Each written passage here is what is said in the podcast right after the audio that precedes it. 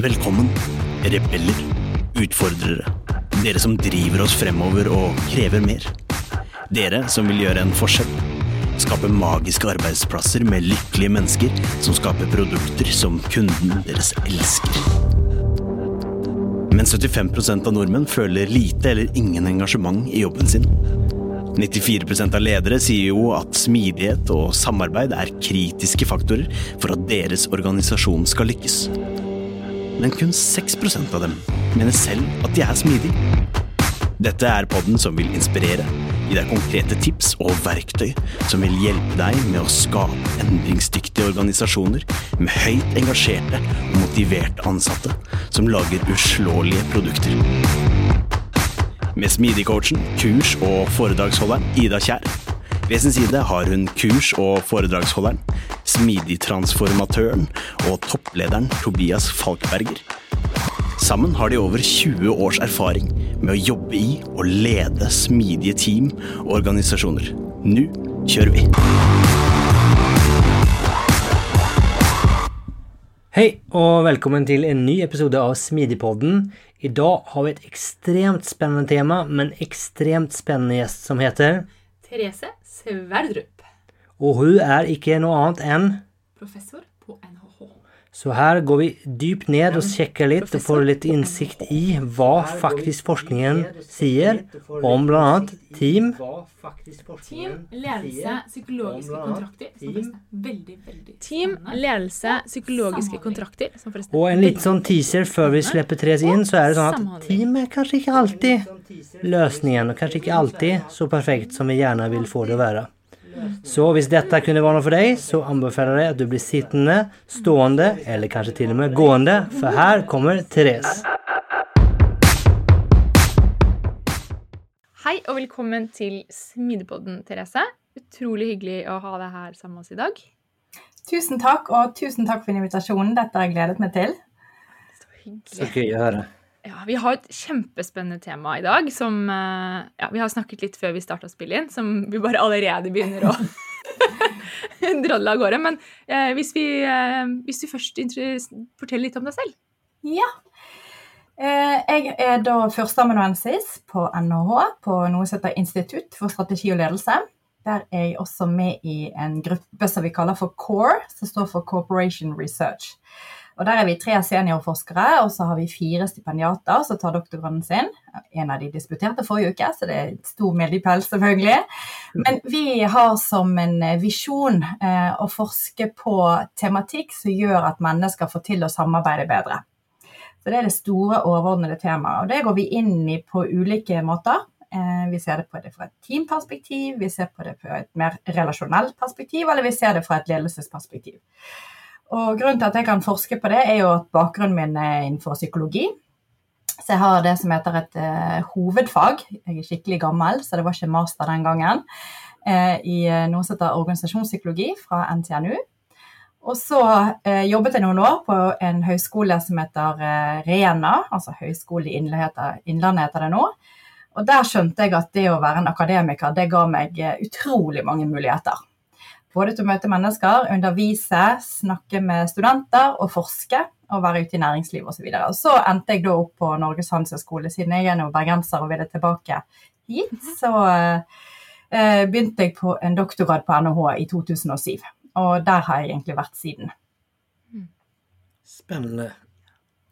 Det må jo sies at det, Vi snakket litt om det før vi begynte å spille inn, men jeg syns det kommer utrolig mye spennende forskning fra dere i det siste, og det syns jeg er liksom kult. At det, at det liksom, jeg, liksom, jeg føler at det er veldig liksom, både spennende, men også liksom tidsriktig, og at det treffer og er liksom eh, Jeg syns dere er flinke på å formidle det òg, at det liksom, får mye publisitet rundt det, og at det kommer liksom, når ut. altså Det er jo veldig kult. da. Og ikke Ja, mm, jeg formidler det på en litt sånn uh, lettfattelig måte. mm. Ja, men Det er veldig kjekt å høre at dere syns det. Og det er jo klart, det der å finne den formen altså du, Vi forskere er jo ofte kanskje litt vanskelig tilgjengelig i våre forskningsartikler. Der skal man jo først finne dette berømte gapet i litteraturen. Eh, og finne og sitere de, alle de store forskerne, og så langt nedi der kommer det et lite funn. Eh, så vi kanskje sier sånn Og kanskje kan det være slik at vi har funnet dette. Tør jo ikke hardnakket påstå det. Men når vi da går ut og, og, formidler, så er det jo selvfølgelig om å gjøre å oversette det til et litt mer praktisk relevant språk. Og i vår forskningsgruppe så er vi jo brennende opptatt av det. Altså hvorfor skal jeg forske om ikke det skal være for de som faktisk går ut og utøver ledelse, jobber i team. Eh, det er jo derfor vi gjør dette. Mm. Så det å klare å balansere det med å ja, være på et komplisert, høyt akademisk nivå for å få de gode publikasjonene, det må vi jo. Men samtidig å oversette det, det, det, bruker vi en del tid på og snakker en del om. Og så syns jeg det, som dere sier, det er veldig kjekt å ha inn disse stipendiatene våre, noe som gjør seg veldig bemerket, og blir invitert på utrolig mange både konferanser og podkaster og til å skrive innlegg og sånn, og det er kjempegøy. Kult. Veldig gøy. Skal vi bevege oss over på tema? Det syns jeg. Mm, Temaet i dag er jo eh, team. Og så forhåpentligvis rekker vi å bevege oss over i også psykologiske kontrakter i team. Som også er veldig, veldig spennende. Men hvis vi starter litt med, med team, da. For det her har du forsket enormt mye på. så er det jo Vi kan jo starte med Jeg syns du, du, du, snakker om mye spennende, og det er jo både utfordringer i forhold til det å få til bra teamarbeid, men også dette med liksom når team er riktig. Uh, så det er også ting som jeg syns kunne vært gøy, men kanskje mm. starte med uh, utfordringer i forhold til å få til et bra teamarbeid. Mm. Ja, jeg syns gjerne det er nyttig å begynne på det. Hvis jeg snakker nå gjerne ute i, i, forsamlinger eller for ledere, så har jeg lyst til å gjerne ta en loop innom det med utfordringer. For det er noe med å være klar over noen ganger, og det pleier jeg å si spesielt til ledere, de lider ofte av det vi kaller for overstaffing bias. Det vil si tendensen til å ta flere med heller enn færre med når man skal sette opp team. For man har den der, jeg, tror, jeg vet ikke om det er spesielt i Norge, men det er sånn alle skal med. Vi vil inkludere folk, og stakkars de, nei, de må ikke føle seg utenfor.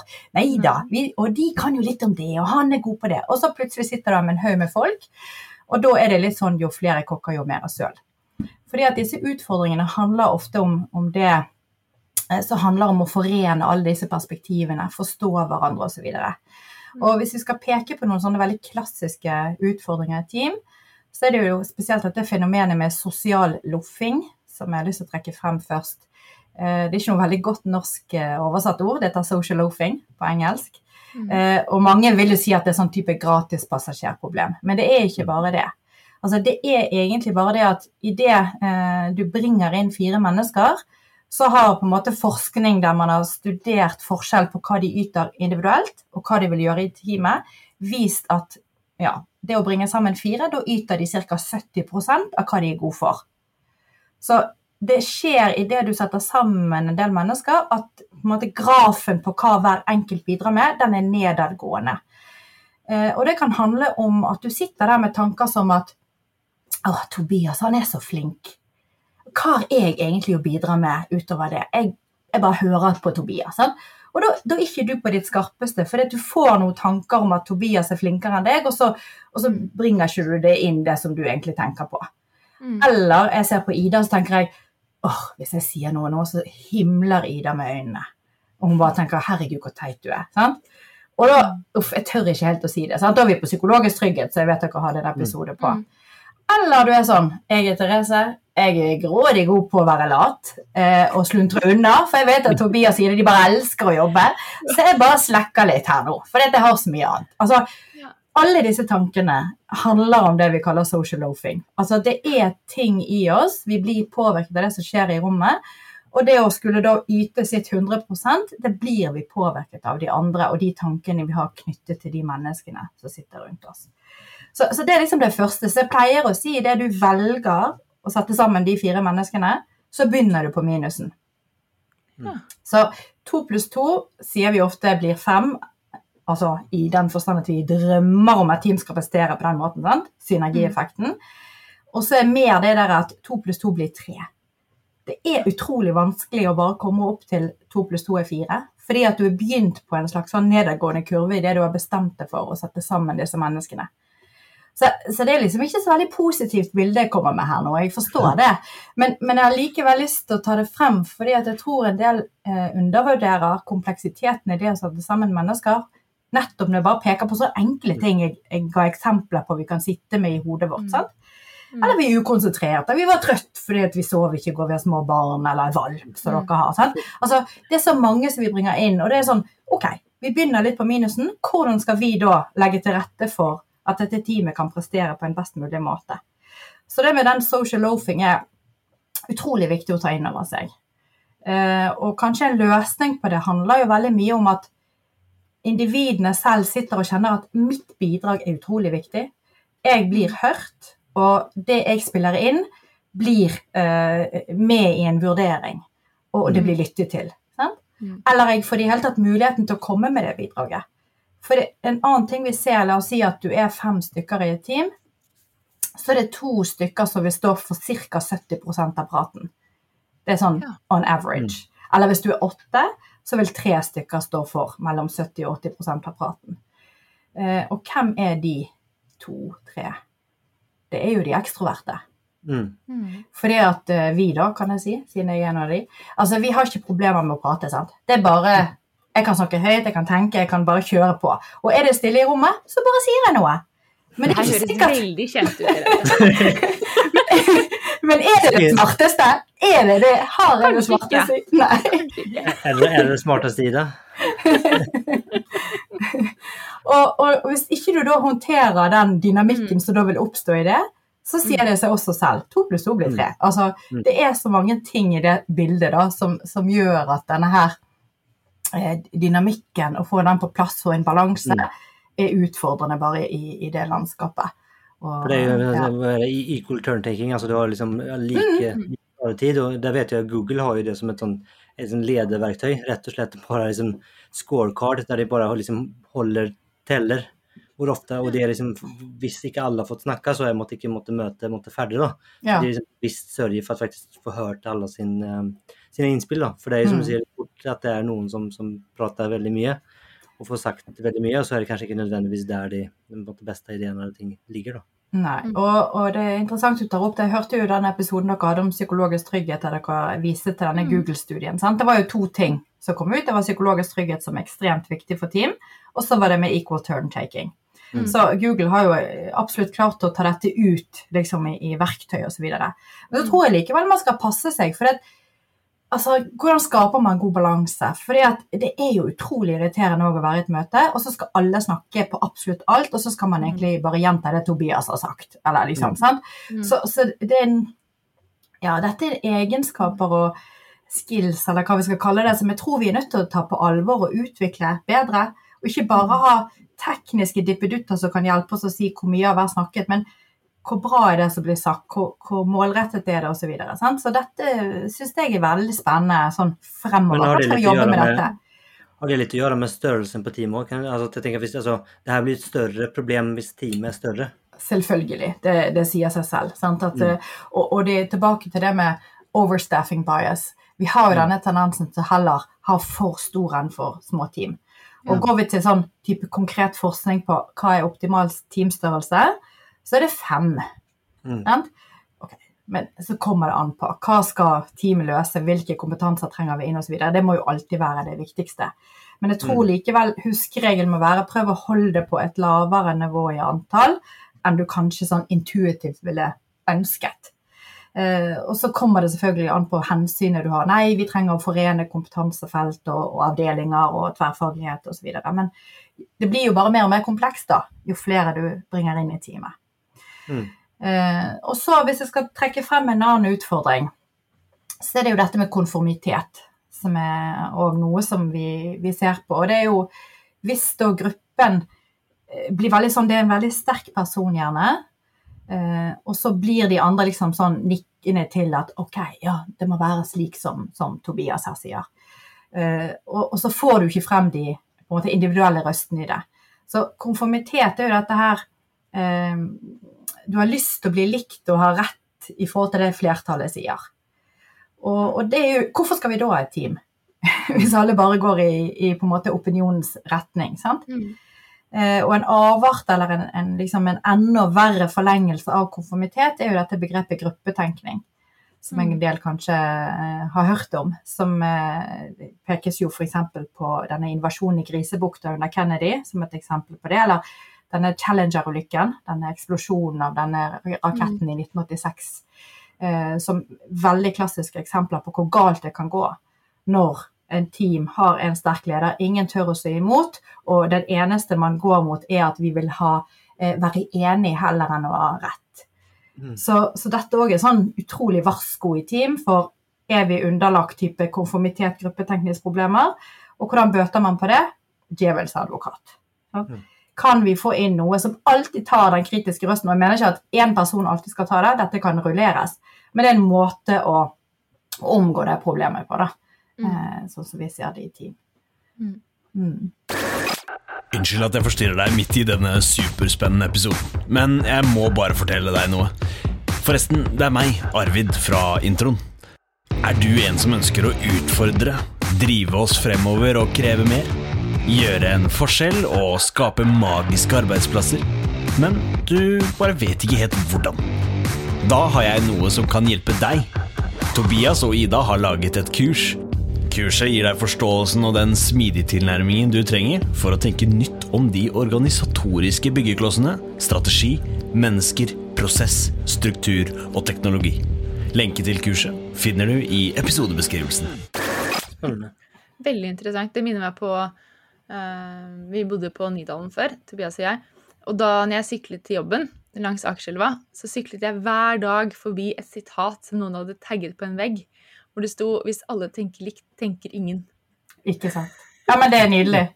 Det er nydelig. Det er så Ja. innprintet i hodet mitt. Ja, ja, blitt, eh, det er nesten blitt en sånn leveregel, nesten. ja. Eh, Så, Mm. Men da er vi inne på det òg at eh, sant? Det, Vi trenger ikke snakke så mye om psykologisk trygghet her siden dere har en egen episode om det, så det må vi oppfordre lytterne deres til å gå inn i hvis ikke de har hørt om det. Men, men det er jo nettopp det. Vi ønsker at mennesker det skal være equal turn-taking, sier vi. Vi vil at mennesker skal tørre å si mot det som er, men da må de kjenne trygghet for å gjøre det. Sant? Og, og, og det er et ekstremt viktig fenomen for alle team. Og egentlig utrolig gledelig å se hvor mange bedrifter i dag som har begynt å ta det på alvor og jobber Mm. veldig operativt og, og operasjonelt med det. Så det syns jo vi er utrolig spennende som forskningsgruppe. For det opplevelse, eller min eh, erfaring tilsier også at det er veldig, tar tid og er vanskelig å bygge, men det går veldig fort å rasere. Altså, Ja. har, du blitt, har, du blitt, har du blitt tatt i et møte, eh, noen som er litt ufine mm. eller liksom kommer med noen hersketeknikk eller noen ting, så er du liksom tilbake på minus. Ja, det er veldig ubehagelig. Og det, og det er jo òg noe med Jeg vet ikke om vi skal gå til skolesystemet eller hva det er, men vi er jo veldig sånn at vi har lyst til å være flinke. Lyst til å vise at vi får til ting, for det som er meritterende, det er det som bringer oss frem. sant? Eh, og så er det noe med Ja, men feil må vi også ha, sant? for det er det vi ofte lærer av, sier vi. Men så er det akkurat som de ikke helt klarer å forene de to perspektivene der. Eh, og hvem er det av oss som har lyst til å vise at vi har gjort feil? Eh, fordi at eh, da ler de kanskje. sant? Mm. Men så ser jo jeg det at dette er noe som bedrifter blir mer bevisst på og ønsker å jobbe med. Og så er det sånn, jo, nå må lederne gå foran som gode eksempler og komme med alle feilene sine og skrive det på internsidene eh, på jobben. Og så blir det litt sånn Ja, det er en feil, men det var jo ikke så alvorlig. Sant? Litt sånn. Eh, så, så ja, hvor ærlig er vi egentlig i det? Mm. Men, men jeg syns det er en spennende studie som ble gjort av eh, en som heter Lee Thompson. Hun eh, delte inn eh, ledergrupper og, og fikk de til å, noen til å fortelle om pinlige historier, og noen til å fortelle om suksesshistorier. Og så målte hun forskjell på de gruppene etterpå. da. Og, og det hun fant var at De som tørde, eller som hadde startet med å fortelle pinlige historier om alt de hadde opplevd, de var både tryggere og mer kreative. Så du kan jo egentlig bare si at eh, du starter et møte med nye mennesker. OK, vi går og snakker om hva vi syns er pinlig i livet. da har man etablert psykologisk trygghet. Da etablerer man seg. Ja. Men hva, snakket de da om pinlige historier i relasjon til jobb? De fikk velge selv. Ja, de, de, de sa det eh, det siste halve året. Fortell om en historie der du er litt sånn pinlig berørt. Det kan være på jobb eller privat, men del det med de andre. Og det er jo litt sånn oi, sant? Men, men poenget er at terskel for å si altså Dette var i relasjon til en studie der de skulle være kreative og ha brainstorming etterpå. Og sant, Hvis dere har vært med på brainstorming eller idémyldring, hvis vi skal ta det norske ordet, så er det jo det at du skal du skal egentlig bare komme det dummeste du kan tenke deg. Sant? Kom med de dumme, rare ideene. Herregud, bare kjør på. Og hvis du nettopp har da sagt noe veldig pinlig og, og vist deg fra en veldig sårbar side, så tør du kanskje å være, bare komme med dumme ting. Mens i den gruppen der de hadde begynt med å fortelle om suksessene sine, så var tanken at å ja, gud, jeg har jo et rykte å bevare. Altså, her skal jeg komme med noen ideer, og det høres jo helt teit ut, og jeg som nettopp har fortalt hvor flink jeg er. sant? Så det er noe med hvordan vi blir påvirket i Altså, i, ja, i, før vi da skal dele ideer. sant? Mm. Eh, og så bare en, en, en til utfordring, da. Jeg bare kom på når vi snakket om det med brainstorming, er jo dette når, når bedrifter skal sette ned disse gruppene, eller du skal bli, være kreativ, så sier jeg, hvis jeg spør folk hvem er mest kreative, er det team eller individer? Det er spennende. Ja, sant? Og så det, jeg får ulike svar, men det er veldig hang mot at nei, åh, det er teamene. Sant? Vi trenger hverandre, vi må få energi i rommet, vi må virkelig kjenne på at vi, vi lærer av hverandres ideer. Og da er det jo artig når man gjør disse studiene, når man har gjort sammenligninger av mennesker som sitter hver for seg i et kvarter og kommer opp med ideer, sånn, type sånn brainstorming session. Og så har du team som sitter i et kvarter og kommer opp med, med sine ideer. Når man nå sammenligner de, så ser man at individene kommer opp med flere og bedre ideer enn det teamene gjør. Og det er jo av og til litt sånn overraskende med folk bare Hæ, skal ikke vi bruke team til å være kreative? Det, det var rart, sant? Mm. Og så er selvfølgelig ikke det hele sannheten, men det handler jo om at man må tenke ulike faser. At Mm. du er ikke helt fri når du sitter i det teamet og skal brainstorme. Ref de utfordringene vi snakket om i sted. Mm. Fordi at Tobias stirrer på meg, og han syns jeg er rar. Hvordan tør jeg da å komme med den dumme ideen min? sant? Mm. Mens når du sitter alene i det rommet og bare skal skrible ned noe, så er du forhåpentligvis da friere til å, til å komme opp med disse ideene. Mm. Og så er det ikke dermed sagt at ikke du kan bygge, altså bruke team etterpå. Det handler jo om at du sitter alene, kommer med ideene, så kan man dele det i teamet, og så kan man begynne å bygge videre på hverandres ideer. Ja, Så jeg for det var en, mitt oppfølgingsspørsmål der var jo for at Mm. vi har jo det tipper jeg du også gjør i dag, at ofte i en sånn type setting så har vi ofte en individuell del, og så er det Mm. ofte kanskje to, to, to, og så kanskje fire, fire, at du måtte bygge opp. Eskalere det. Mm. Ja, så du måtte prøve sånn sett kanskje få det beste av to verdener, da. Ja. Men det, kanskje, det var ikke en del av forskningen her. Nei, det gjorde de ikke. Nå tok de bare rent den. Og det var bare for å poengtere nettopp det at folk har Mm. hangen til å gå rett i teamfasen. Mm. Ja. Og da mister du på en måte den individuelle fasen først. Så jeg mener jo helt klart det her er det komboen vi, vi skal ut Mm. etter. Mitt budskap er ikke slutt å bruke team for å være kreativ, men, men tenk at det, man må gjennom ulike faser. Mm.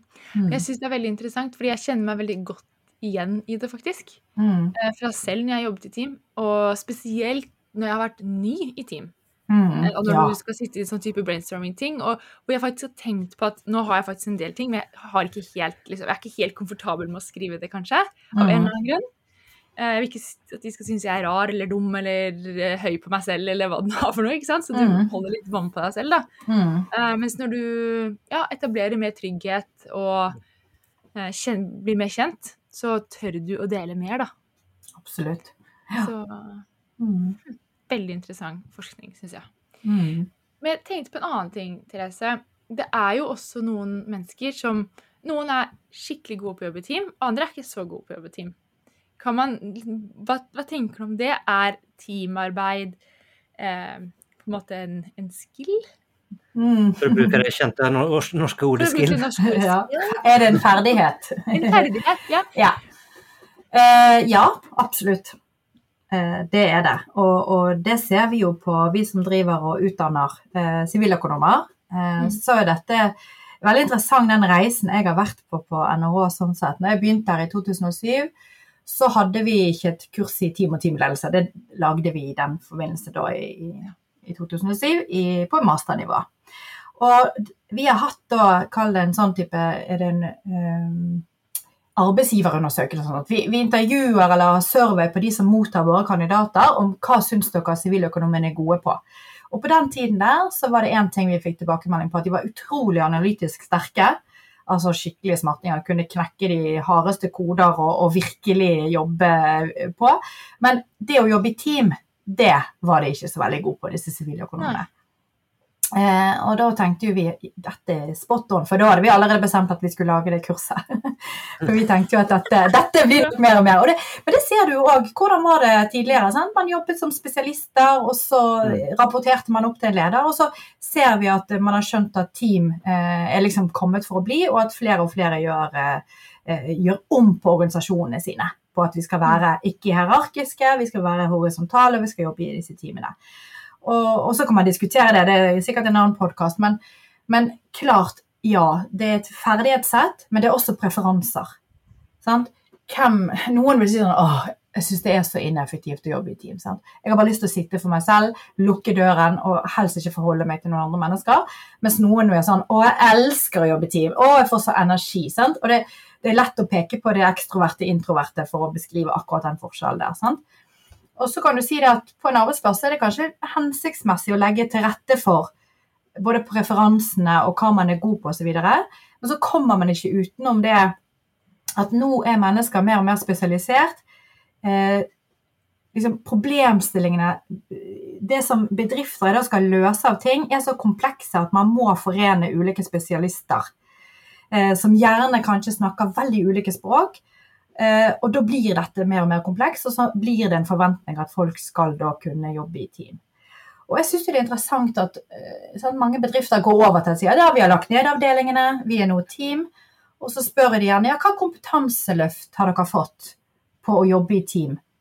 Nei, det er ikke det sånn som alle kan, da. Altså, det er litt denne forventningen at alle har jo vært med på gruppearbeid på skolen. Eh, men å si at det kan bare overføres til å jobbe godt i team, altså det er jo en grunn til at vi forsker på team. For vi ser at her er det mye å bidra med. Altså Det er mye eh, ferdigheter som kan utvikles. Eh, bare det å peke på de utfordringene vi har snakket om nå, bare det å vite om det, hvordan du da som leder kan tilrettelegge handler jo om da, å utvikle disse ferdighetene. Mm.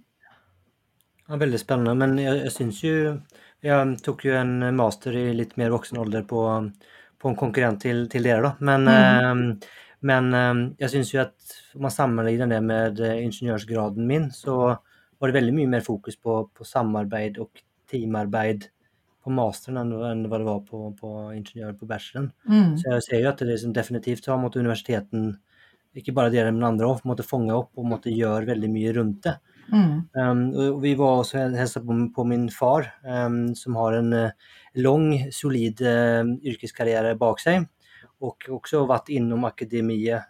Han tar sin fjerde ingeniørsgrad eller noe sånt nå, i en alder av, av 60 Ja, 60 69. 69 ja. Eh, så, så det som, eh, men han var ikke så imponert over at, at, det var så mye fokus på samarbeid og team. Det, det var, han, var ikke, han, var ikke, interessert i det. Det var, liksom, eh, det var, ikke så viktig, utan han var der for å lære seg og få, få gjort ting. Så, var liksom, ja. så det var en veldig spennende diskusjon rundt det. Mm. det liksom, jeg ser at det er en, en generasjonsdiskusjon òg, kanskje. at til og med at det er en ting at studentene kanskje ikke har lært så mye, men jeg tenker hvis vi går enda, en lenger tilbake i tid, så er det kanskje et enda større skifte. da, at man liksom kanskje ikke nødvendigvis forstår det eller kan det eller ønsker det. Mm. Eh, det er kanskje viktig å huske på her at det er jo liksom Hvis du skal om, omforme, omformere en hel organisasjon, så har du mest sannsynligvis mm. kanskje flere generasjoner og ulik erfaring som, som, kanskje ikke nødvendigvis har gått hos dere og få lært seg å, å jobbe i team de siste årene, utan kanskje liksom enda lenger bak. Da. Men så tror jeg det også for mange kanskje kan være litt skummelt å gå over til å jobbe i team, da. For du blir jo plutselig det henger kanskje litt sammen med også hvordan mange organisasjoner belønner ansatte, mm. f.eks. Og hvordan man eh, forfremmer osv. For det gjør det ofte kanskje på Det gjør det jo ofte på Eller gjør det jo på individnivå. Og bonus er jo ofte på individnivå. Men hvordan skal du da bli sett i et team? Og hvis du mm. kanskje er introvert og du tør kanskje ikke ytre deg så mye, så er du kanskje redd at det kommer til å gå utover arbeidsoppgavene dine eller bonusen din, eller hva det nå mm. skulle være, da. Mm. Ja da, og, og jeg, tilbake til det med, med, de som går over til å, å bruke team som kaller det en organisatorisk enhet eh, og struktur. Eh, hvis ikke de både løfter kompetansen, eh, ressurssituasjonen, og så har du dette med insentivordningene og beholder individuell bonusordning, så er du dømt til å mislykkes. For, for, hvem har lyst til å dele innad i teamet hvis du i neste omgang tenker at da er det en som gjør det bedre enn meg og vil få en bonus som jeg ikke får? Sant? Så eh, her er det jo også Vi har jo jeg har en podkast sjøl på NHH eh, der vi har en egen episode der vi diskuterer akkurat det med insentiver på, ja. på det med individuell bonus, teambonus osv. med en setter Ivar Bragelien hos oss, som er ja, ekspert på akkurat det med, med, insentivsystemer. Så vi ser jo trenden skifter nå over mer mot teambonus for de som ønsker å ha teambonus. Mm. Ja. Så nei, det er mange ting å ta stilling til i, i, i det bildet der, altså. Det er det virkelig. Spennende. Eh, Det, det her tar oss kanskje litt sånn litt eh, videre egentlig på det å, å måtte bygge det her teamet. Mm. Her vet jeg at du har, eh, har noe spennende forskning rundt det med teambuilding og teamkontrakt. Ja. Og det er vel kanskje mange, spesielt i disse dager, som kanskje drømmer om en, en liten teambuildingsaktivitet.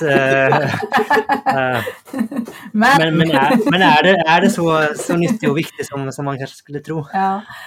Nei, det kan du si, Tobias. Jeg, jeg er all for at vi skal eh, møtes og le sammen og ha det kjekt. Det er utrolig viktig, og jeg tror vi er alle møkk lei av å sitte på dette hjemmekontoret og titte inn i en todimensjonal skjerm.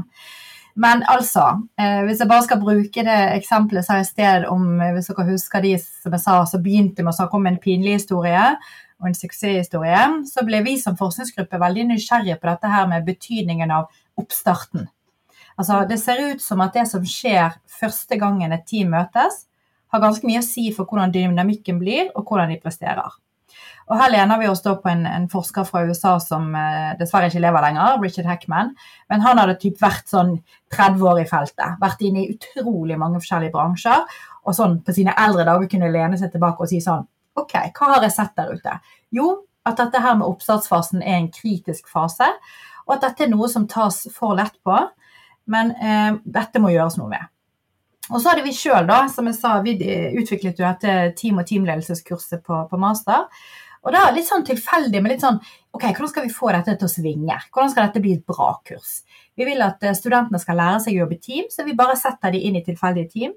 Vi bare pøser på med øvelser, case, de må virkelig bryne seg innad i disse teamene.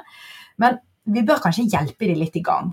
Hva med å lage en teamkontrakt? var litt sånn ja, en teamkontrakt det er litt kult, for da kan du liksom avklare litt forventninger hvordan vi kan ha det.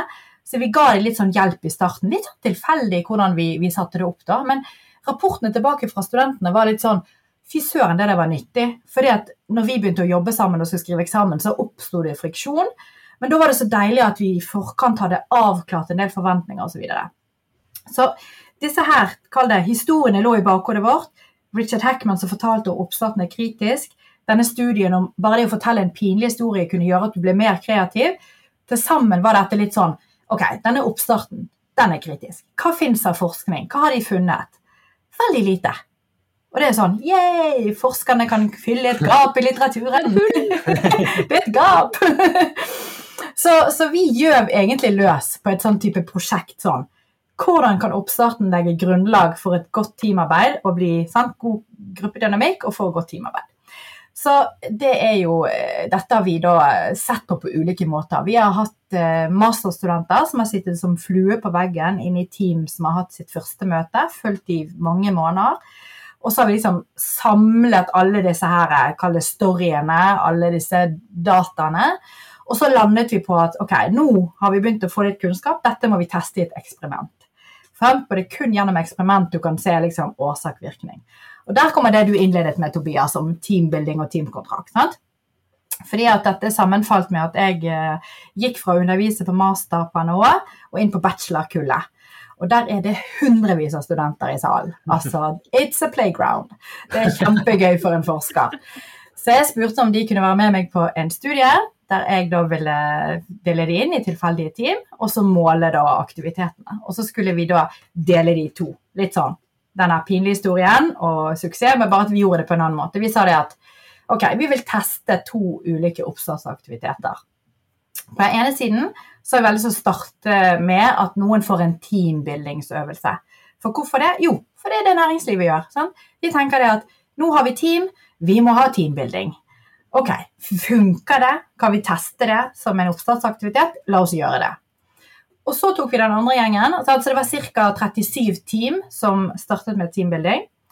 Og så hadde vi ca. 40 team som startet med en teamkontrakt. Så da tok vi egentlig det som vi hadde gjort på det masteren i kurset, og så omformulerte vi litt, og så satte de teamene seg ned, og så måtte de skrive en teamkontrakt. Og det handlet veldig sånn om to første spørsmål Liksom. Hva er egenopplevde styrker og svakheter ved å jobbe i team? Hva skal lederoppgavene være? Hvordan skal dere unngå undersluntring? Hvordan skal dere gi hverandre tilbakemelding? Altså en rekke ting, da. Mens i teambuilding så var det bare en sånn lek. altså De hadde en øvelse, og de lo og skrattet og ble kjent og kall det trygge på hverandre. Mm. Og så ville jo vi teste. sant? Nå har alle disse teamene blitt kjent en gang med ulike aktivitet. Så kjører vi samme øvelse på alle teamene. Og det vi gjorde da, var å gi dem en, eh, det vi kaller en tårnbyggingsøvelse. Så vi delte ut samme materiell til alle teamene. Så vi ga dem 20 eh, A4-ark, 20 papirkopper, 20 suger- sugerør, en stor kartong, en saks og teip. Og så sa vi nå har dere én time på dere til å bygge et høyest mulig tårn. Og på toppen av det tårnet så skal det stå en kopp med vann i ti sekunder. Så det må være stabilt. Sant? Og alle på en måte går i gang og, og kjører på osv. Eh, og for å ikke gjøre det for enkelt, så introduserte vi da en rekke forstyrrelser til disse gruppene. Så blant annet også tok vi ut det mest aktive medlemmet i hver gruppe i fødselspermisjon. Så det er veldig frustrerende, for det er de ekstroverte. sant? For de, de er sånn, de gyver løs på de oppgavene. og bare sånn, ja, jeg har en idé, mm, Og så plutselig må de ut. Og så er de vekke i ti minutter, og når de kommer tilbake, så er de bare helt sånn Hæ? Nå er jeg plutselig utenfor. De har veldig godt av å kjenne på det. Og så etter en halvtime så gjorde vi teamlederbytte, så vi måtte rullere teamlederne til nye team og ta over helt nye team. Mm. Og bli der resten av eh, perioden. Og så et kvarter fra slutt så tok vi teamlederen ut, så sa vi ok, dette tårnet må være litt mer stabilt enn vi sa. Det skal holde tre kopper med vann, og ikke bare én kopp med vann. Og, og veldig hektisk aktivitet på slutten, da, for noen har jo bare satt på et veldig smalt tårn som overhodet ikke kan takle tre kopper. Uansett, de bygger ferdig, og vi måler. Sant? Vi måler høyde på tårnet, vi ser om de klarer å, å tåle disse koppene med vann, og så måler vi hvordan de har taklet disse her eh, forstyrrelsene underveis. Så det vi gjør, er jo å ha hypoteser. Hvilke av disse grupperene, de som starter med teambuilding eller teamkontrakt, håndterer forstyrrelser best og bygger høyest tårn? Og det var jo de som hadde startet med teamkontrakt, og ikke de som hadde startet med teambuilding. Og da blir jo folk litt sånn som elsker teambuilding, bare Hæ? Eller de som hater det, bare Yes! så, så det er den studien, da, den har vi publisert i noe som heter Group Dynamics. Så de som kan lese den, eh, finner den på nettet. Men, men vi har jo gått videre, for jeg må jo si at jeg skulle kanskje hatt både og. Altså, det er noe med å ha det gøy sammen, men samtidig er det noe med at bare det å ha det gøy sammen gjør ikke at du og jeg vet hvem som skal gjøre hva av forskjellige rollefordelinger, eller at vi vet målet vårt. sant? For det er det som gjerne er utfordringen med disse teambuildingsaktivitetene. Det er egentlig bare å ha det gøy. Kanskje vi blir litt trygge på hverandre, men vi aner jo ikke noe mer om hvordan vi faktisk skal løse tingene som oppstår i team. Mm. Interessant. Hva, hadde studentene selv noen refleksjoner om det her? Altså, hva, hva, har de snakker med deg i ettertid, hva, liksom, hva vad, vad tänker de då? Nei, de, de fleste ble jo overrasket, selvfølgelig. De gjorde Mm. det. Eh, Men det morsomme er jo at jeg får mange tilbakemeldinger etterkant om at nå er de selv begynt å bruke teamkontrakt i disse Mm. studentteamene sine. Eller når de går ut i arbeidslivet, så kommer de tilbake. 'Therese, hva var den der teamkontrakten igjen?' 'Nå har jeg begynt å jobbe, og dette var så bra. Jeg husker vi lærte så mye av det.' Så det er jo kjempegøy å høre, selvfølgelig. Så eh, artig med, med masse kontakt med studentene. Mm. Spennende. Men Det er jo veldig morsomt. Jeg har gått eh, flere coachkurs. Og det, vi lærer, dette er jo en av de tingene vi lærer. Det er å etablere en teamkontrakt tidlig Mm. i teamene vi coacher. Eh, Og da er det jo akkurat det du snakker om, da. Eh, Hva er normer, roller, eh, ja, Forventninger. mål Mm. mm? Forventninger. Hvordan skal vi gi tilbakemelding? Mm. Hva skal vi gjøre når noen på en måte bryter med kontrakten? Mm. Hvordan håndterer vi det? Mm. Eh, hvor ofte skal vi gå tilbake til kontrakten og se Ja. på at den fremdeles stemmer, er riktig når vi gjør endringer? Mm. Ja, og det er jo Jeg pleier å si når jeg liksom skal oppsummere på en måte de, de viktigste funnene med dette kalles Vi kaller det jo Start smart, da. Mm. Sant? Det ene er jo, første er jo dette med mål. Man må vite hva man jobber sammen mot. Det andre er jo dette med ansvarsfordeling. Hvem skal gjøre hva? Eh, Vi kaller det roller. Men av og til er jeg litt skeptisk til å bruke begrepet roller. For jeg er så redd for at folk skal tro at det er sånn eh, Belbin, eh, hvis noen kjenner til den litteraturen, at Mm. du skal være en plante og en klovn og alt sånt. Det er ikke det jeg tenker på. Vi skal ikke fordele sånne roller. Men det handler jo om at folk skal vite hva er min rolle i å levere til det målet. Mm. Hva er mitt bidrag? Mm. Ditt faglige ansvar. Ja, hva er mitt faglige ansvar, og, og vet jeg hva jeg skal gjøre, og er mitt bidrag Føles det viktig og meningsfullt? Sant? Det er det punkt to. Eh, punkt tre handler om disse normene vi etablerer. Hvordan skal vi ha det innad i teamet? Vi snakker om psykologisk trygghet, det kan handle om eh, en, en type kultur som ut- utvikles osv. Dette er ting man kan snakke om i forkant. Og så er det liksom punkt fire, det er refleksjon. Altså det å ta opp igjen, kall det kontrakten, eller stoppe opp og si OK, det vi snakket om i starten, er vi på target? Altså er målet, er det riktig det vi satt? Har folk den fordelingen av ansvar og roller som er hensiktsmessig? Eh, føler folk seg trygge, eller er det ting her vi, vi kan jobbe med? Og det er veldig kontinuerlig arbeid. Men det jeg opplever er at en del kan si at ja, vi tar en sånn teamkontrakt og oppstart, men det er veldig få opplevere som stopper opp og gjør denne refleksjonen. Mm. Fordi vi blir så bunn... Altså det, det er dårlig tid. Og når vi først møtes, så er vi opptatt av det operasjonelle. Har alle levert Mm. det de skal, og du står i et problem gjerne, sant? et faglig problem. Og så går man, tar man seg ikke tid til den fasen. Men det Kan mener det være jeg at det er litt ubehagelig òg? Kan det være at Absolutt. det er litt. Ja, du kan, du er ikke sånn- psykologisk trygghet hvis du ikke tør å, å, å ta den fasen på Mm. runden. Sant? Og dette er jo, tenker jeg, et veldig viktig ledelses... Eh, ja, eh, ledelsesproblem, eller at ledelse må ta tak i det. Selvfølgelig har du et, eh, et selvstyrt team uten leder, så blir det jo et teamanliggende, selvfølgelig. Men, men de fleste team i arbeidslivet har jo en slags leder som jeg mener bør ta ansvar for å sette i gang og, og ha en god prosess på disse tingene. Men em, jeg lurer på om Vi hadde en diskusjon i dag med, med rundt hvor mye tid man skal dedikere til sånn her type Til en slik kontrakt, da. Har, Mm. er det noe Viser forskningen noe her på hvor mye tid du skal sette, dedikere til det, på et vis? Mm. Nei, egentlig ikke. Altså, vi, vi jobber nå med, med AFF i dette. Det er et konsulentselskap som er i liksom, NHH-familien. da. Og de har kjørt dette ut, vårt liksom, Start Smart-prosjekt, eh, ut i veldig mange team på Universitetet i Bergen. Og så har vi drevet og fulgt dette opp. Og det er veldig variert. Noen bruker tre timer på en oppstart, noen bruker én time. Så, så det er liksom eh, Jeg skal ikke si jo lengre tid, jo bedre, men du må bruke en del tid i oppstarten for å virkelig eh, for forankret Mm. eh, liksom dette med mål, dette med roller. Og så er spørsmålet ok, hvor hyppig etterpå skal du begynne å evaluere? sant? Og det kommer jo an på er prosjektet evigvarende, er det kort? Altså Mm. Disse tingene her vil jo spille inn, da. Mm. Ja, for det er min erfaring òg. Og det er jo at hvis man eh, dedikerer for lite tid til det, eh, så vil du nesten få motsatt effekt. Mm. Eh, fordi da blir folk nesten litt sånn irritert, og de føler at det har vært litt uh, bortkastet tid. Mm. Eh, så får nesten liksom, selve session får nesten litt sånn negativ effekt, da. Mm. For mitt inntrykk av For det kan jo hvis du åpner en del av disse litt sånn følsomme, komplekse problemstillingene, og så Ikke klarer du ikke å lukke pe- lukke de, Mm. så har du kanskje, liksom, du bare med lagd, eller fått piska opp stemningen nesten, mer enn å Ja. Nei, og, og det de har gjort der, er jo rett og slett å og Her har jo AFF vært inne, og så har de faktisk lært opp en rekke fasilitatorer eh, Ja. som kan kjøre de prosessene. For jeg tror man skal ta litt på alvor at Ja. dette er komplisert. Altså, Mm. det er ikke noe vi bare sa sånn OK, nå har vi ti minutter, folkens. Eller en halvtime. Altså, det er litt sånn som du peker på, Tobias. jeg kan komme opp noe som kanskje kan være litt utfordrende, så vi må lukke på en god måte. eh, Ha gode refleksjoner rundt, sånn at ingen i etterkant sitter sånn Herregud, hva var det jeg sa der, og hva tenker de andre nå? sant? Mm. Um, apropos de pinlige historiene. altså, det skal, jo, det skal jo være et trygt rom eh, å gjøre det, men, men eh, jeg mener i hvert fall, eller forskning som vi har gjort, viser at dette er kjempeviktig. Mm. Og så, så er ikke vi til bunns ennå. I, I alle de tingene som folk sikkert sitter og lurer på. Ja, hvor ofte, hvor lenge, eh, hvor dypt osv. Så, videre. så det vi har lyst til å gå videre med, er jo nettopp det.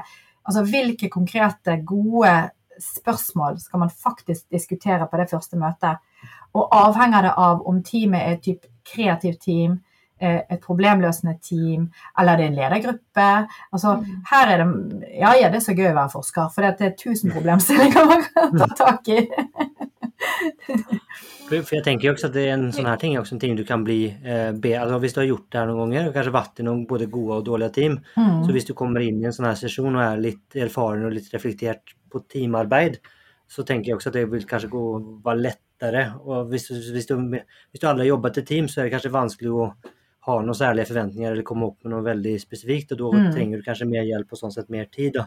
Mm. Eh, det er Men- men jeg syns det er artig- I en oppfølgingsstudie vi gjorde av, eh, som jeg fortalte på disse studentene der vi hadde teamkontrakt og teambuilding, så et annet år da kjørte vi litt andre varianter. Eh, og fant noenlunde samme resultat. Men en variant av denne teamkontrakten vi brukte da For det teamkontrakten er sånn type tosiders dokument. Det er ganske mange spørsmål å gå gjennom og avklare, så det tar tid. Men da kjørte vi en utrolig sånn, kall det kjapp variant. Da sa vi det. Bruk en halv time på å snakke dere gjennom utfordringer dere har opplevd i andre team, som har vært sånn skikkelig irriterende. Sant? Så Veldig erfaringsbasert. Alle deler det, og så sier man ok, neste halve timen, hvordan skal dette teamet unngå å komme i de fellene som dere selv har erfart fra andre team? Og den eh, oppstartsaktiviteten viste seg å være like effektiv som en teamkontrakt. Ja. Så jeg syns det er utrolig spennende, og jeg tror vi òg kan forklare det gjennom at når du da tar noe som er fra egen erfaring, så får du et større eierskap til det. Det er ikke noe bare som er blitt påført deg utenifra. Sånn, diskuter dette, så tenker du ah, hva er det for noe? Men, men det er klart at Vet du hva, i et team jeg var, jeg var så frustrert på de der ene. De, de kom aldri til tiden, eller altså whatever det kan være. Så, Mm. så får man et annet eierskap og et annet engasjement til at dette skal være noe vårt team virkelig skal få til. ikke sant? Så jeg syns det var ganske interessant å se hvordan den eh, vi kaller det liksom tidligere erfaringer som oppstartsaktivitet faktisk kan være en enkel og grei øvelse. da. Mm. var Ja, det var veldig spennende. For jeg, kan, jeg ser virkelig verdien og som du Mm. sier, jeg tror de har noe med eierskapet. Du liksom, for du har jo selv et interesse i at ikke det skal skje igjen, og da, liksom, da tror jeg liksom, det er lettere kanskje å følge opp og lettere å Mm. skape eierskap og til. Da. Men så tror jeg også det er lettere når du gir en sånn oppgave, at det er lettere at det trigger kreativiteten og, og tankene og refleksjon. For da har du noe veldig konkret å på en måte knagge det på. Mm. Istedenfor å skulle på en måte Å ja, men normer, ok, hva er regler? Hva er egentlig det? Hva er det jeg egentlig vil, da? Hva er det jeg er liksom Mens Mm. da er det veldig sånn Ja, men det liker jeg ikke. Nei. OK. Ja, det er frustrerende for meg. Sant? Ja, veldig konkret. Ja. sant? Så, så jeg er nesten blitt sånn at eh, skal, eh, hvis folk spør ja, hva kan vi gjøre liksom, kjapt og greit osv. Altså den aktiviteten der. Men så vil jeg også si en annen aktivitet som jeg liker veldig godt. Det er at du starter med en runde rundt bordet om hva er mine egenopplevde styrker og svakheter i å jobbe i team. Fordi at da kan du få Og jeg tror det er viktig at folk sier sånn Vet du hva, jeg er superperfeksjonist. Nå snakker jeg ikke med Jeg er ikke det, da, men la oss si at du er det. og, for det er så nyttig for dere andre å vite. For jeg vil jo alltid si nei, nei, nei. nei, nei. Altså, liksom, Jeg syns vi skal gjøre litt justeringer. Og så, og så kan du kanskje si når du sier det Jeg er superperfeksjonist, og jeg har skjønt at det er en svakhet i team. For jeg vil aldri bli fornøyd. Så dere må bare stoppe meg når jeg fortsatt begynner å hamre løs på at nei, her må vi gjøre endringer. Og så, Da får man åpne seg sjøl på et eller annet vis. sant? Eller du har folk som sier sånn eh, Ja, jeg, eh, jeg er jo eh, Jeg kommer alltid for seint. Å Å nei, å nei, det skal ikke vi ha noe. Nei, men da har vi straff for deg. sant? Du må bakke boller hver gang. Dette er jo studentene mine da, som skriver sånne regler. Og så får de det veldig artig på, på de tingene, da. Men, men jeg tror at man Egentlig kjenner man seg selv litt. sant? Mm. Og, og du kan også få de som sier egenopplevelser, styrker og svakheter. Jeg er ikke så glad i teamarbeid. Det er nyttig for de andre å vite det. Sant? Men ok, jeg sitter her, jeg vet at jeg må være med, men hvordan kan vi få det til på en god måte da? Kan jeg få noen oppgaver der jeg kan egentlig trekke meg litt unna og gjøre litt mer sånn analysearbeid? Er det ok for dere andre? Ja, selvfølgelig. Vi må jo spille på hverandres styrker. Altså, sant? Mm. Så, så jeg tror det der å, å starte på en sånn måte òg eh, kan være veldig nyttig, da. Spennende. Jeg ser tiden løper litt ifra oss i dag. Ja. Å ja, det gjør den. Eh, men det her er jo bare Det er så interessant. Altså. Jeg får så mye ideer og tanker. Ok, Men vi har et spennende eh, tema til som passer veldig godt med det vi snakker om nå. Og det er dette med eh, psykologiske kontrakter i team. Mm. Eh, kan du si litt om hva det er? Mm. Altså En psykologisk kontrakt det er jo en, et individs eh, antagelse om at du har et gjensidig bytteforhold med en annen part. Altså Det er den tekniske.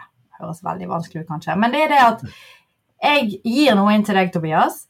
Og jeg gjør jo det for at jeg vil være grei, men jeg forventer jo at du skal gi noe tilbake. Sant? Så i enhver tett relasjon vi har med hverandre, om det er et ekteskap, eller om det er et kollegaforhold, eller en leder og en ansatt, så finnes det sånne type forventninger om hva vi skal gi og ta, men det er ikke alltid uttalt. Nei, ikke sant? Det, for her er forskjellen. Det er ikke uttalt, Ja, og det er ikke, det er i ikke er ikke skrevet ut heller. Nei. Så en psykologisk kontrakt er nettopp det at det er et individs antagelse. Det er ikke noe som er skrevet ned i et dokument, sant? men det er min sånn og, og, Bare for å ta et eksempel. sant? Eh, jeg er ute og intervjuer eh, medarbeidere om, om dette som fenomen, og så spør de, ja, dere opplevd gjerne at det, eh, dette, så sier en journalist i, i forhold til lederen sin da, at eh, ja, jeg satt og jobbet en dag, og så, og så spiste lunsjen min, og så kommer han forbi, så sier han Sitter du her og jobber i lunsjen? Uh, ja, jeg gjør det. Ja, jækla bra. Det, du står skikkelig bra på. Sant? Og så går han, og så sitter han journalisten igjen og tenker sånn OK, hva betyr det? Eh, betyr det at han mener jeg tar for ofte lunsj? Eh, betyr det at hvis jeg skal få noen eh, eh, promotion opportunities her, så må jeg jobbe litt mer i lunsjen og vise at jeg står på ekstra. Altså, Dere aner ikke hvor mange tanker denne personen fikk av en sånn kommentar fra sjefen sin. Sant? Fordi at vi, vi, vi driver hele tiden kall det å monitorere litt sånn hva, hva som skal til her for at jeg skal både bli likt, eh, vise at jeg gjør en god jobb, eh, få forfremmelsesmuligheter, og så alle disse tingene. Og det er helt umulig å avklare alt det. Og derfor lager mennesker seg eh, tanker om hva de må gi og ta i ethvert forhold. Og det som er utfordrende med det, som gjør det veldig spennende, er at det er veldig sjelden du klarer å sjekke av helt perfekt hvordan dette forholdet ser ut. Mm. Og så er det jo det som vi har opplevd når vi, vi som forsker på dette fenomenet, er jo at idet du opplever at en psykologisk kontrakt er brutt, så har det en sterk innvirkning på din opplevelse av relasjon med den andre. Du blir skuffet, du blir lei deg, du kan bli sint, du har lyst til å trekke deg fra den relasjonen. Og sånne klassiske kommentarer jeg gjerne får i arbeidslivet der det er sånn Ja, og jeg har nå jobbet her, og jeg har stått på, men hva får jeg igjen for det? Ingenting. Så nå har jeg bestemt meg for én ting. Jeg skal kun komme på jobb og heve lønn. Sånn? Jeg er her for pengene sin del. That's it. Er det slutt? Fordi at her er jeg liksom Og, og det er den der hvordan, er de havnet i den situasjonen? Sant? Vi snakker om dette med jobbengasjement. At folk har et engasjement, og så har de fått disse kontraktene brutt. Da stopper det engasjementet. Ja. Eh, og, og, og enhver arbeidsplass vil ha masse brutte forventninger. For det er helt umulig å oppfylle alle de. Så hvordan i huleste skal vi løse dette, da? Sant? Mm. Eh, For han journalisten så ville det vært f.eks. at han sjefen hadde sagt flere ganger at 'Å, du står på så bra. Bra jobba'. mm, Og da tenker han at 'Å ja, hvis jeg jobber litt mer, så kanskje jeg får den forfremmelsen'. mm. Så får han ikke den. Nei, ikke da er det en brutt psykologisk Ja. kontrakt. Ja, det er nettopp det. Så, så vi kan enten i et vi, vi snakker om eksplisitte forventninger og implisitte forventninger. For du kan jo kalle det en medarbeidersamtale, så kan du ha sånn med sjefen din. Ja, du har jobbet bra det siste året. Neste året følger du samme progresjon, så er jeg garantert at du får en forfremmelse. Det er en veldig eksplisitt forventningsavklaring. Samtidig som dere ser at ja, men hva er det du faktisk skal levere? da? Det er nyanser der òg. Mm. Eller en implisitt forventning vil være nettopp det at du, du Ja, sjefen nå blitt veldig grei med meg i det siste. Jeg har jobbet mye overtid. Hmm. Jeg lurer på om det betyr at jeg må jobbe mer overtid, for kanskje det vil gjøre at jeg får forfremmelse. Kanskje ikke sånn helt no-brainer, men, men uansett. Det, vi er utrolig komplekse, vi mennesker, i forhold til alt vi driver og tolker og forstår. Og så er vi veldig lite flinke å sjekke av med den andre. Mm. OK, jeg tenker at det er sånn. Stemmer det? Nei, det gjør vi ikke. Og, og det er det som jeg syns er så interessant med det fenomenet psykologisk kontrakt, at vi, vi handler veldig i forhold til det. Vi blir veldig skuffet hvis vi er brutt, men egentlig er det jo ingen som har lovet oss noen ting. Men vi tror å gå rundt og ha denne sannheten inni oss om, om at sånn må det være. Så jeg mener jo løsningen her er, det er kommunikasjon, det er å skjønne at dette er et fenomen. Og at på enhver arbeidsplass så vil det brytes disse psykologiske kontraktene. Og da handler det om at det er først da du gjerne opplever at å ja, jeg hadde en psykologisk kontrakt her idet den ble brutt. Og da må det være det rommet for å si til leder, og at leder er avklart i forkant, at jeg kommer sikkert til å bryte noen psykologiske kontrakter, men, men da er jeg avhengig av at du kommer til meg, og så snakker vi ut om det. For det er aldri min intensjon, det skal du bare vite. Men jeg, vi må ha det rommet og den tryggheten mellom oss til at dette er noe vi kan kommunisere om. Fordi at denne relasjonen er kompleks. Og den vil bestå av både implisitte og eksplisitte budskap og forventninger. Og da er jeg avhengig av at vi har en såpass tillit til hverandre at vi kan snakke om eh, de opplevelsene vi har knyttet til akkurat det med, med det gi og ta-forholdet. da.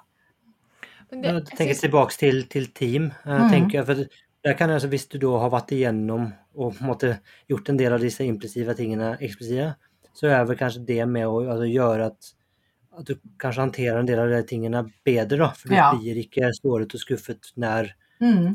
det skulle skje noe, for du har faktisk snakka om tingene i forveien. Ja, altså, du kan si en, en, artikkel vi har skrevet der vi kombinerer det med teamkontrakt og psykologisk kontrakt, den heter 'Cut me some slack'. Eh, der undersøkte vi faktisk i, eh, blant melkebønder, altså av alle ting, som mm. først hadde vært vant til å jobbe alene eh, som melkebønder i fjøsene sine, og så hadde de gått inn i det som heter samdrifter, eller joint operations.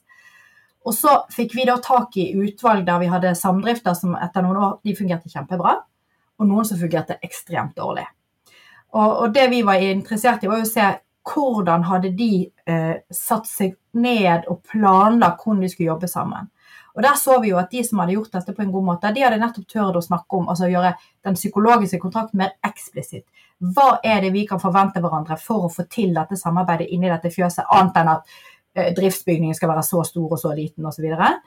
Mens de som ikke fungerte så bra, de hadde kun snakket om at ok, taket skal holde den soliditeten, men nesten ikke snakket noe om hvordan de skulle samarbeide.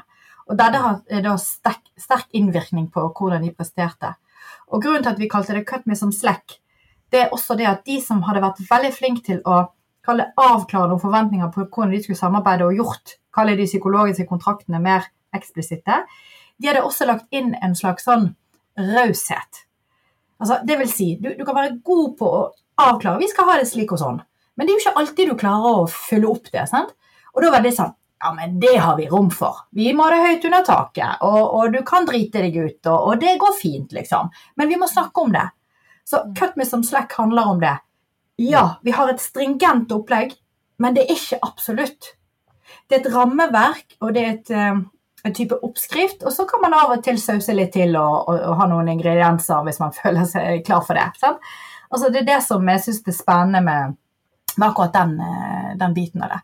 Og, og, og det hører jo også med, sant? Du kan aldri gjøre alt det som er inni tankene til hvert individ om hva man skal gi og ta eksplisitt og, og, nedskrevet i gode, fine setninger som alle forstår.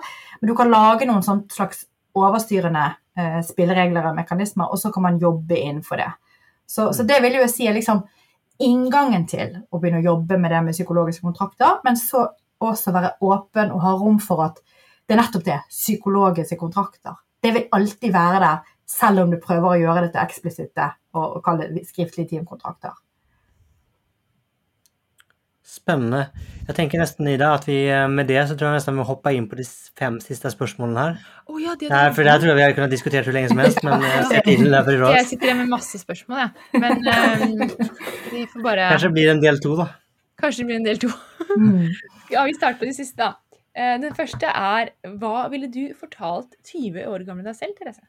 Da ville jeg fortalt at fy søren, du har mye å glede deg til. og så tror jeg ville sagt òg at du kommer til å bli tryggere etter hvert.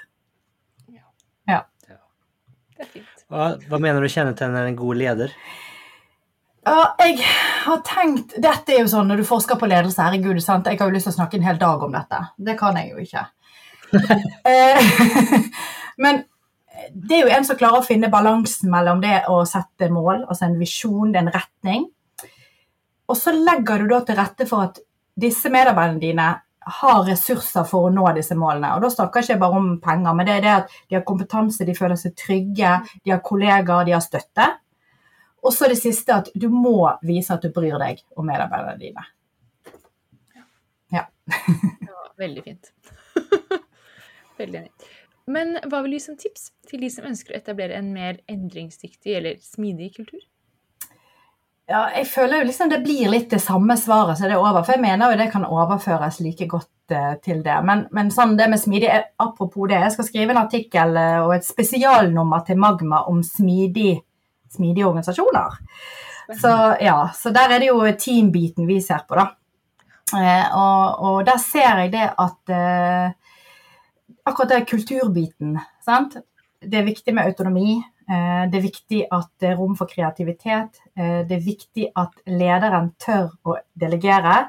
Og så er det viktig at lederen viser helhetsforståelse. For det er så lett for at de smidige teamene blir veldig sauset ned i en liten oppgave og mister det der helhetsperspektivet. Ja, Så det var kort fortalt. Jeg har ikke skrevet artikkel ennå, men det er noe sånt den skal handle om. Kult. Det gleder vi oss til den kommer. Good. Um, bøker, lydbøker eller podkast du ønsker å anbefale? Ja, jeg elsker jo podkaster, så det var jo derfor det var gøy å bli invitert her. Men uh, jeg har jo da eh, podkasten med uh, Adam Grant, Work Life. Syns jeg er fantastisk. Og så den 'Unlocking Us' med Brené Brown. Uh, hun har også en veldig god bok som heter 'Dare to Lead'. Og så er det lov å anbefale sin egen podkast på NHO. Ja, det er helt lov. ja, jeg syns jo det er veldig gøy. Nå skal vi med ny sesong med ny medprogramleder. Eh, og vi har også skiftet navn, så masse spennende som skjer på den fronten. Mm. Mm. Jeg vet, jeg vet, jeg husker ikke faktisk på strak arm hvem det er som anbefalte, men jeg vet at deres podkast har blitt anbefalt i Smidigpodden før. Da, så, det, så, det, tenker jeg Ja, vi har fått ganske mange lyttere, så vi har bygget oss opp, vi òg. Så det er utrolig gøy. Det er det. Mm. Kult. Det er uh, Marius uh, Jones, var det ikke han du hadde podkasten med før? Ja, så han har nettopp uh, disputert for doktorgraden sin, og han har forlatt oss. Og han skal på nye marker, så jeg skal få inn en ny medprogramleder som heter Telle Fråbe. Så det blir veldig spennende. Mm. Jeg jobbet jo i Deloitte med Marius. Ah, han er fantastisk. Han burde dere ha som gjest. Han som har fått så mye spennende ut av den doktorgraden sin om entreprenørskap og følelser på jobben og ja. Virkelig anbefale. Da må jeg kontakte Marius òg. Så Marius, hvis du mm. hører, så kommer jeg til å kontakte deg. Ja. Strålende. Og så er siste spørsmål, da. Hvordan kommer man i kontakt med deg? Ja, nei, men det er på LinkedIn, på Twitter. Send meg en e-post. Det er bare å søke navnet mitt, så tror jeg det er mange eh, måter å kontakte meg på. Mm. Vi, vi, vi, finner deg, og så lenker vi til, til de ulike ja. der, tenker jeg. Good. Men det så må jeg si tusen, tusen takk for at du ville komme på Smidpodden. Det har vært helt uh, utrolig lærerikt. Ja, men så fint. Veldig hyggelig å snakke med dere, og tusen takk for gode spørsmål og samtaler. Takk, takk. Så med det så sier vi ha det bra. Tusen takk for at du lyttet på denne episoden av Smidpodden. Dersom du likte det du hørte, så abonner på Smidepodden, da vel. Da får du masse mer av denne type innhold i fremtiden. Dersom du har lyst til å støtte Smidepodden fremover, så gå gjerne inn på linken under og eh, ta kurset vårt. Du kan også så klart bruke noen av linkene under til bøkene som gjestene våre anbefaler. Det er affiliate links, og det betyr at Smidepodden får ei lita krone når du kjøper en bok, men du betaler så klart ikke en krone mer når du handler. Med det så ønsker jeg deg en fortsatt fantastisk dag eller kveld, hvor enn det er du befinner deg i denne store, vide, vakre verden. Ha det bra!